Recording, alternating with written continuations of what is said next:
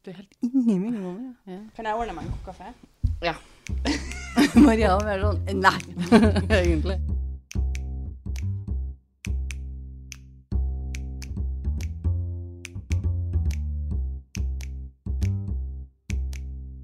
Hei, hei, alle sammen. Velkommen tilbake til en liten pause med oss eh, anonyme mørkredde her, da, her vi sitter. Eh, du lytter nå til meg, Maria, og oh. søstrene mine. Andrea. Og Martine. Veldig anonym. Dette er del to av uh, Sam Shepherd-episoden vår. Uh, hvis du ikke har hørt del én, så anbefaler jeg deg å gå tilbake og høre den. For hvis ikke så vil ikke denne episoden her være spesielt interessant å høre. Det kan jo være at den er litt interessant for deg. Maria, hva har du gjort siden sist? Nei, jeg har egentlig bare Jeg har, har et stigende stressnivå i kroppen siden sist. OK, men skal vi bare fortsette denne eh, saken til en Sam? Ja, Shepherd. Imens Sam sitter i fengsel, så skjer det noen ting som er bra for nå. Ifølge Townsend sin artikkel så hadde ikke Forsvaret fått utført sine egne tester av åstedet før rettssaken, og fikk bare tilgang etter rettssaken var ferdig. En dr. Paul Kirk, en kriminolog som var ekspert på blodanalyser, gjør derfor en del undersøkelser etter Sam er dømt, og publiserer det han finner. Han mener at morderen må ha vært venstrehendt, for det første. Og Sam er da høyrehendt. Uh, og drapsvåpenet mener han var ei lommelykt, og ikke et kirurgisk våpen, som dr. Gerber hadde påstått. Han påstår også å finne blod i huset som ikke kom fra Sam eller Marilyn. Fordi det er ett blodspor som går fra soverommet og ned trappa, som var antatt å være Marilyn sitt blod som rant fra drapsvåpenet. Men dr. Kirk påstår at det her er blodspor fra et åpent sår, og Sam hadde ingen åpne sår. Han publiserer herre i 1955, ikke lenge etter dommen. Og den sommeren finner noen ei bulka lommelykt i Lake Erie. Dr. Kirk mener også at Marilyn sine to brukne tenner kom av at hun beit overfallspersonen i ei hand, og den personen reiv til seg armer. Og Sam hadde som sagt ingen skader på seg. Videre sier Townsend sin artikkel at dr. Kirk mente at drapspersonen sto i veien for en del blodsprut, for det var en del av skapdøra som ikke hadde noe blodsprut på seg. Altså Det var liksom tydelig at noe hadde blokkert deler av blodspruten. Den fortsatte på en måte etter å ha blitt avbrutt. da. Men Sam hadde heller ikke blod på seg. da. Ja, for det, det vil jo se ut som det har stått noen der, da. Ja, og de må jo bli dekt. Han sier også at han finner uidentifisert sperm på Marilyn, som tyder på at hun har blitt voldtatt, og han sier at drap utført av signifikante andre sjeldent involverer voldtekter. Jeg vet ikke om statistikken er sånn enda, men han påstår at den er det på 50-tallet i hvert fall. Det tar ti år faktisk før en ny rettssak blir gitt til en Sam. Ifølge Tots Co sin artikkel så blir F. Lee Bailey ansatt av familien til Sam når advokaten hans dør. F. Lee Bailey er mest kjent for å ha hatt OJ Simpson-saken, men det var Sam Shepherd sin sak som virkelig starta karrieren hans. Ja, for det er jo før, selvfølgelig. Han må jo være dyktig. F. Lee Bailey kjemper for at Sam skal bli sluppet ut av fengsel, med bakgrunn på at saken hans var fordomsfull, dommeren var partisk, og media ga ingen mulighet til en rettferdig rettssak. Sam blir sluppet ut av fengsel ti år etter han var dømt, 16. juli i 1964. If the glove, glove don't fit, you have to quit. Blir han sluppet fri? Dommeren som hadde saken hans når han ble sluppet ut av fengsel, altså den ankesaken han får ti år etterpå, da, slipper Sam ut av fengsel når det blir klart at det var brudd på fem av Sam sine konstitusjonelle rettigheter under den første rettssaken. Den dommeren her kaller hele rettssaken for et hån av rettssystemet vårt. Det har sikkert skjedd mye i rettssystemet fra 50-tallet til 60-tallet. Ja, det tror jeg. Men når de ser tilbake på den saken her, så skjønner de jo at Sam ikke fikk en rettferdig Ja. um, rettssak, da. Uh, men så kunne jeg lese på Biography at det ikke tar lang tid før en federal ankerett slemmer dommen tilbake på Sam, og det blir en ny rettssak i stedet for frikjennelse. Oi. Denne gangen blir det ingen kamera, og veldig få journalister til stede. I tillegg kom det fram en alternativ mistenkt i 1959, fire år etter Sam ble dømt. En mann som hadde jobba for Marilyn og Sam Shepherd rundt den tida drapet var begått, ble arrestert for tyveri. En fyr som het Richard Ebbeling. Richard var en skalla fyr på det tidspunktet her, Ok, Så ikke hårete. men han var kjent for å gå med ganske buskete parykker. Hæ? Får han å gå med parykker? Det er vitner som sier at de så en fyr som passa til beskrivelsen av en bushy-haired man, ikke langt fra Shepherd-huset, kvelden når mordet av Marilyn skjer. Hunden til Shepherd-paret ville heller ikke ha bjeffa på han Richard, siden han kjente han ettersom han jobba for Sam og Marilyn på huset deres. Men tror ikke du at hvis du og Martin har krangla, at den hunden har bjeffa da? Eller at noen i det hele tatt har krangla med noen? Om det var en som Martin jobba med, så har han jo bjeffa. Jo, men det er jo strengt tatt ingen som kan si om han bjeffa eller ikke. Det er jo kun han Ja. Sam som Ja. har ikke våkna av at hunden bjeffa. Nei. Det er jo ingen som kan si om, Om han bjeffa hvis han angrep kona si. Han kan jo like gjerne si at hunden har bjeffa, hvis han snakker om at han har Ja. slåss med en white figure og ja, og det sa han jo at han ikke gjorde. Men jeg syns det er veldig rart at den hunden ikke bjeffer. Det er jo ikke sikkert det er en sånn skikkelig vakthund det er snakk om heller. Det kan jo være en labrador, men det, det kan ha vært en pomeranian. For alt vet. De bjeffer jo en del, da. er- Når de ransaker huset til en Richard, dukka det opp en del tyvgods. Han var jo arrestert for tyvgods egentlig i første omgang. Blant dem en ring som tilhørte Marilyn. Og Ifølge en av artiklene på Famous Trials så gjør en av politibetjentene en liten sånn lurerirunde da, med en Richard i avhør. Politibetjenten spør om hvorfor blodet til en Richard hadde vært på åstedet når Marilyn blir drept i 1954. Så de lurer en litt. Selv om det faktisk ikke var noe bevis på at det hadde vært noe blod fra en Richard. Er det lov? Der. Jo, det er lov, kanskje. Nei, jeg tror ikke det er lov. Jo, det er lov òg. å, Få dem til å lyge til dem. ja, ja. det er det. Richard overrasker med å forklare at han skjærte seg på en av vinduene når han tok ut noen stormvinduer et par dager før drapet, og at han hadde derfor blødd en del gjennom huset. De her funnene ble sitert av en reporter i 1961, og det blir den første publiserte ytringa som mente at Sam var uskyldig Oi. i drapet. Før denne nye rettssaken så hadde det kommet ut en TV-serie som var veldig populær. Den het The Fugitive. Den handla om en lege som hadde stukket av etter å ha blitt feilaktig anklaga for å ha drept kona Nei, si. slutt å tulle med meg. De som laga den, påsto at den ikke var basert på Sam sin sak, men mange mente at den måtte være det, og det var litt med å hjelpe å endre folkemeninga om at Sam var skyldig eller ikke det her, da. Det er det sagt. At det virka som om det var, fikk en litt sånn formidlende effekt på dem som alltid hadde tenkt at han hadde vært skyldig, da. Under den andre rettssaken blir også det her med drapsvåpenet plukka fra hverandre. F. Lee Bailey får dr. Gerber til å innrømme at han har leita og leita etter det her drapsvåpenet uten å finne noe som matcher avtrykket, og det blir derfor konkludert med at det er umulig å si at det her er et kirurgisk instrument når man ikke finner et som matcher. Da kunne det like gjerne vært noe annet. Ja. Men den lommelykta Dr. Kirk vitner også om sine funn, som han gjorde rett etter den første rettssaken. Så han forteller jo om den her med, det her med lommelykta. da. 16.11.1966 blir Sam funnet ikke skyldig. Mest på bakgrunn av hvor dårlig håndtert den første saken hadde vært. Ja. Etter han ble sluppet av fengsel, så giftet han seg med ei som han hadde hatt kontakt med mens han satt i fengsel, og starta å jobbe som lege ei lita kort stund. Får han lov til det? Etter at du har en Ja. Han er jo frifunnet, så han er vel Det, du trenger ikke å ta noen tester eller noe, du kan bare slide back into it. Men ifølge artikkelen på Tot Cole så begynte Sam å drikke voldsomt og bruke en del narkotika. En av pasientene hans dør under en operasjon, og han blir sagsøkt for feilbehandling.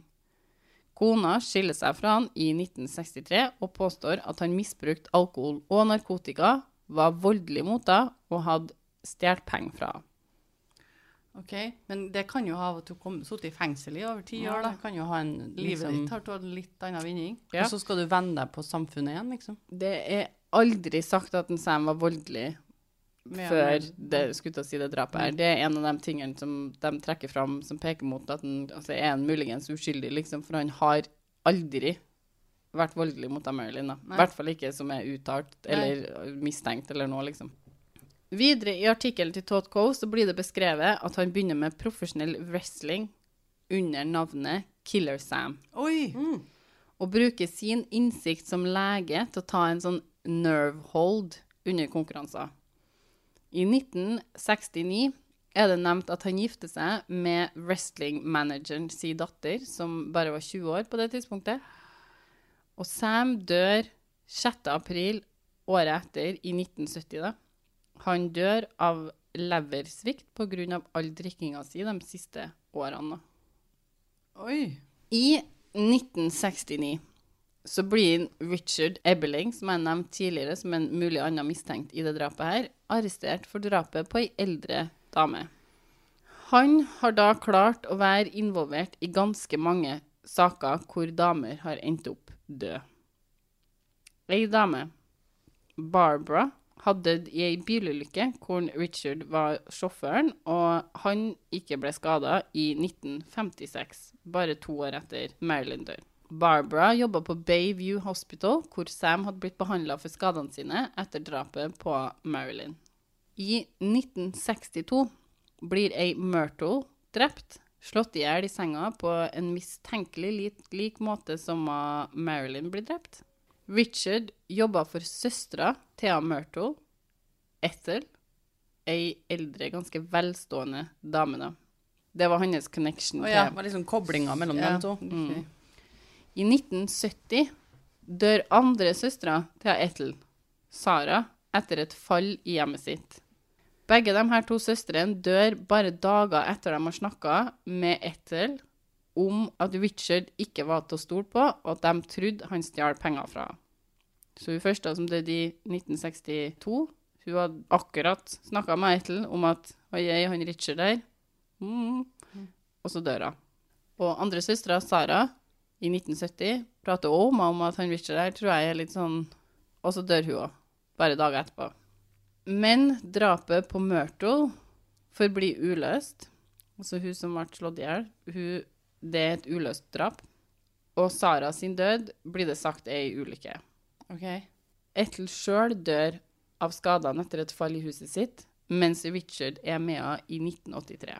Og han er sammen med henne ja. Det er ikke før i 1988 at Richard blir dømt for å ha forfalska testamentet til Ethel og etterlatt alt hun eide til seg sjøl. Ethel sin kropp blir deretter gravd opp igjen, og hennes død blir sagt at det er et drap. Richard blir dømt for hennes mord og fengsla i 1989. Eh, Men fortsatt ingen tatt for Myrtle sitt. Eller Sara sitt. Ikke lenge etter Richard blir dømt for drapet på Ethel, uttaler Sam Shepherd sin sønn Chip seg offentlig for første gang om hvordan det her har vært for han. Han begynner å jobbe med å få løst saken til mammaen sin, og noen år etter, i 1996, blir det en ny etterforskning av saken. Sam sin kropp blir gravd opp fra jorda og sjekka DNA. Chip tar ut en civil suit til staten Ohio for å ha feilaktig putta faren hans i fengsel, og den rettssaken gikk i 2000. 30 år etter Sam hadde dødd.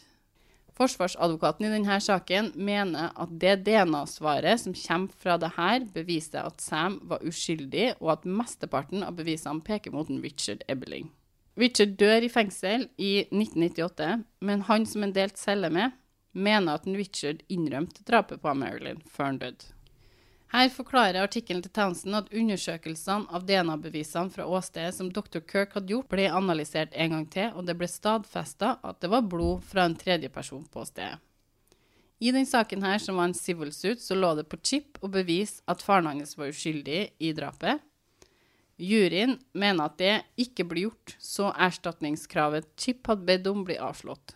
Mista begge foreldrene sine den dagen. Det som var vanskelig her, var at staten kunne heller ikke fastslå at han var skyldig utover en rimelig tvil, eller beyond a reasonable doubt, da, som de sier. Og familien til Sam kunne heller ikke bevise at han var uskyldig. Så han blir i den første rettssaken dømt skyldig. Så blir han dømt ikke skyldig i rettssak nummer to, Så i den tredje rettssaken som Chip står for, så blir Sam Shepherd dømt til ikke uskyldig. Og mordet er fremdeles uløst utover det her. Men Townsend sin artikkel drar fram en mulig mistenkt til. Enda en? Det må jo være han første der. Han Richard. Var ikke han som gikk med Det var han som gikk med parykkene. Men fant ikke de eh, DNA? Når de sjekker bevisene til en Dr. Kirk, på en måte, så kan de fastslå DNA fra en tredje person, men det er aldri sagt. Men det betyr at det er blodspor fra tre, da. Mm. Townsend sier at i 1957 så tilstår en allerede dømt og fengsla mann å ha drept av Marilyn. Donald Wedler. Han forklarer at han i en rustilstand hadde rana en bolig, og det hadde endt opp med å bli et drap. Han forklarer at han som 23 år gammel tilfeldigvis var i Cleveland den 3. juli i 1954, og dro på leiting etter noen årene. Han beskriver huset han tar seg inn i, og det matcher tilsynelatende med Shepherdshuset. Han forklarer at det var et hus ved en sånn lake. Dette kan jo alltids ha vært tilfeldigheter, men han forklarer også at han gikk forbi en mann som lå og sov på en sofa, og gikk inn på et rom med ei dame som lå og sov. Når hun her dama våkna, så slo hun henne med et rør han hadde med seg. Og han sier han slo mange ganger. Når han hører at mannen kommer opp trappa, så slår han ma mannen med røret og slår han bevisstløs. Men som Townsend også påpeker i sin artikkel, så sier Donald ingenting om å ha stjålet noe, dratt ned pysjamasen til Marilyn, eller at han slåss med Sam på stranda. Det var derimot vitner som plasserte han i Cleveland den natta, og han passa godt til beskrivelsen av a bushy-haired man. Og Donald sa seg villig til å ta en løgndetektortest for å bevise at han snakka sant om det her. Det her kom jo fram da i 1957, tre år etter drapet på Marilyn. Men dr. Gerber trodde ikke på det. Åh, Han trodde det her var en falsk tilståelse, og blokkerer denne løgndetektortesten som skulle gjøres. Vi trenger ikke den. Kunne jo bare tatt den. Det skada jo ingen. Jo, dr. Sam Gerber. Men det kan jo også være Ble skada av det. Men det kan jo, du skal jo heller ikke stole 100 på dem. Så Nei, hvis den kommer men- frem til at den, at den snakker sant, og han er så bestemt på at Så ødelegger det jo saken hans mot en Sam, da. Ja, og det kan ikke den. Nei, men, men jeg kan skjønne òg at det kan bli en problemstilling, da. I en sak. Flere mistenkte blir, kjent, blir, blir nevnt i kildene mine. En kompis av Sam fra medisinstudiene som hadde vært på besøk til Shepherds-paret et par dager før drapet, Lester Hoverston. Han var en litt sånn snål fyr, og det blir sagt at han ville gjerne ha Marilyn ut av livet til en Sam, så de kunne fortsette som single menn, som de hadde vært før i tida. Okay, det er ikke nok. sant. Altså, tenker jeg, det er ikke nok for å drepe noen. Og han hadde derimot et alibi, hvor flere av vennene av han plasserte han langt fra Cleveland den drapsnatta. Men han er dratt fram som en sånn mulig Ok, Anna han her vil at han skal være singel, så må, kan jo være han. Spencer og Evelyn Hock, de eh, ordføreren og kona, Ja. blir utpekt i første rettssaken av advokaten til en Sam som mulige mistenkte. Kona og ordføreren? Det gikk rykter om at Spencer og Marilyn hadde en affære, og teorien ble derfor at Evelyn fant ut det her og drepte Marilyn for det. Teorien er videre at en Spencer var den som klubba Sam i bakhodet når han fant Marilyn på soverommet. De her to ble til slutt skilt, og levde alltid med rykter i forhold til sin involvering i det drapet her, da. Det, det, var- det var tynt. Ja, det var tynt. Den er tynn. Den er tynn. Men jeg tenkte jeg skulle nå nevne det, da, siden alle de her er jo dratt fram i forbindelse med det Shepherd-drapet, da. Og, og mange av dem er jo veldig tynne. Og han Spencer og Evelyn, de ordføreren og kona, de er dratt fram av forsvarsadvokaten i rettssaken som en sånn her For å så tvil om at det er noen andre som kunne ha gjort det, tror jeg. Mediehysteriet rundt den saken her gjorde jo at de hadde det på seg resten av livet. da. Ja. Sam er den eneste som har fått tre forskjellige dommer for samme drap. Skyldig, ikke skyldig og ikke uskyldig. Og det er laga en film som heter The Fugitive i 1993, Så den er basert på saken? Det er Basert på en basert på den gamle TV-serien. Okay. Som, Som alle sier er basert på den saken her. Men den handla jo om en som stakk av. Ja, det gjør jo ikke Sam, da, men eh, alt annet sier de på en måte er ganske likt denne saken her, eller i hvert fall det er hint til denne saken her i den. Så jeg vet ikke hvem som gjorde det. Eh, nei, han Sam er jo da dømt for det, og så frikjent. Eller skyldig, ikke skyldig og ikke uskyldig er jo aldri frikjent, da. Men ikke uskyldig betyr jo ikke at han har gjort det heller, det er bare det at han Det er ikke nok bevis for å frikjenne. Ja. Eller dømme han. Dømmen. Mm. Ja. Det var veldig sånn eller. Men det var en civil suit, så det er litt andre regler Ja. rundt dem enn det er kriminalsaker. Men det er jo helt tragisk at uh, han Chip der prøvde, og så fikk ikke noe Fikk ingenting, han. Han fikk ingenting. For jeg, jeg må si jeg setter alle pengene mine på han. Richard. Richard. Jeg, jeg, jeg vet ikke om Sam er skyldig i drapet på kona si, altså, men han Richard her er hvert fall, sår i hvert fall ganske heftig tvil. Ja. Og hvis du er slått i bakhodet ganske tidlig, så eh, kan du fort være ganske forvirra over alt som skjer etter, etter det skjer, på en Ja. måte. Så det at han har litt sånn vanskelig for å huske på, eller ikke vet noe mye om det han forklarer, kan jo legges på at han ble slått i bakhodet to ganger. Han hadde ingen åpne sår. Det er jo en av tingene som er Ingen åpne sår. I, og det Det- eneste blodet han hadde på seg, var den flekken på buksa hans. Men han har ingen åpne sår, er jo veldig snedig det òg, etter den kampen. Ja. Jo, egentlig. Og at jeg er sikker på han her hadde klart å skade seg sjøl hvis han ville det òg. Men man vet jo heller ikke om han har bytta klær. Men det har jo sikkert de paret kommet og sagt. det det var veldig sånn Og han gikk rundt der i bar overkropp, på en måte. Altså, jeg er litt mer sånn Det må han nå få lov til. Altså, det er jo det, er jo det første du tenker når alt det her har skjedd til deg. Å, herregud, jeg er nødt til å kle på meg. Hvis du ikke hadde på deg T-skjorte, så Men kunne han På 50-tallet så var det kanskje det litt sånn oh, Ja, kanskje. gjøre nipples. Kanskje mer da enn litt nå. sånn lite anstendig? Det var alt vi hadde. Mhm. om Sam Shepherd. Jeg håper dere satte pris på denne episoden her. Følg oss gjerne på Instagram. En liten pause. Der legger vi ut litt om når eh, episodene blir lagt ut, og litt om oss sjøl. Om du har en historie, en artig, skummel, trist eller hva det skulle være for slags historie, eller en vandrehistorie, send oss den gjerne på mail. En liten pause podkast at gmail.com. Om du vil at vi skal ta dem for oss i de bitte små pausene våre. Tusen takk for at du lytta på. Vi høres neste gang. Vi høres. Ha det. Ha det.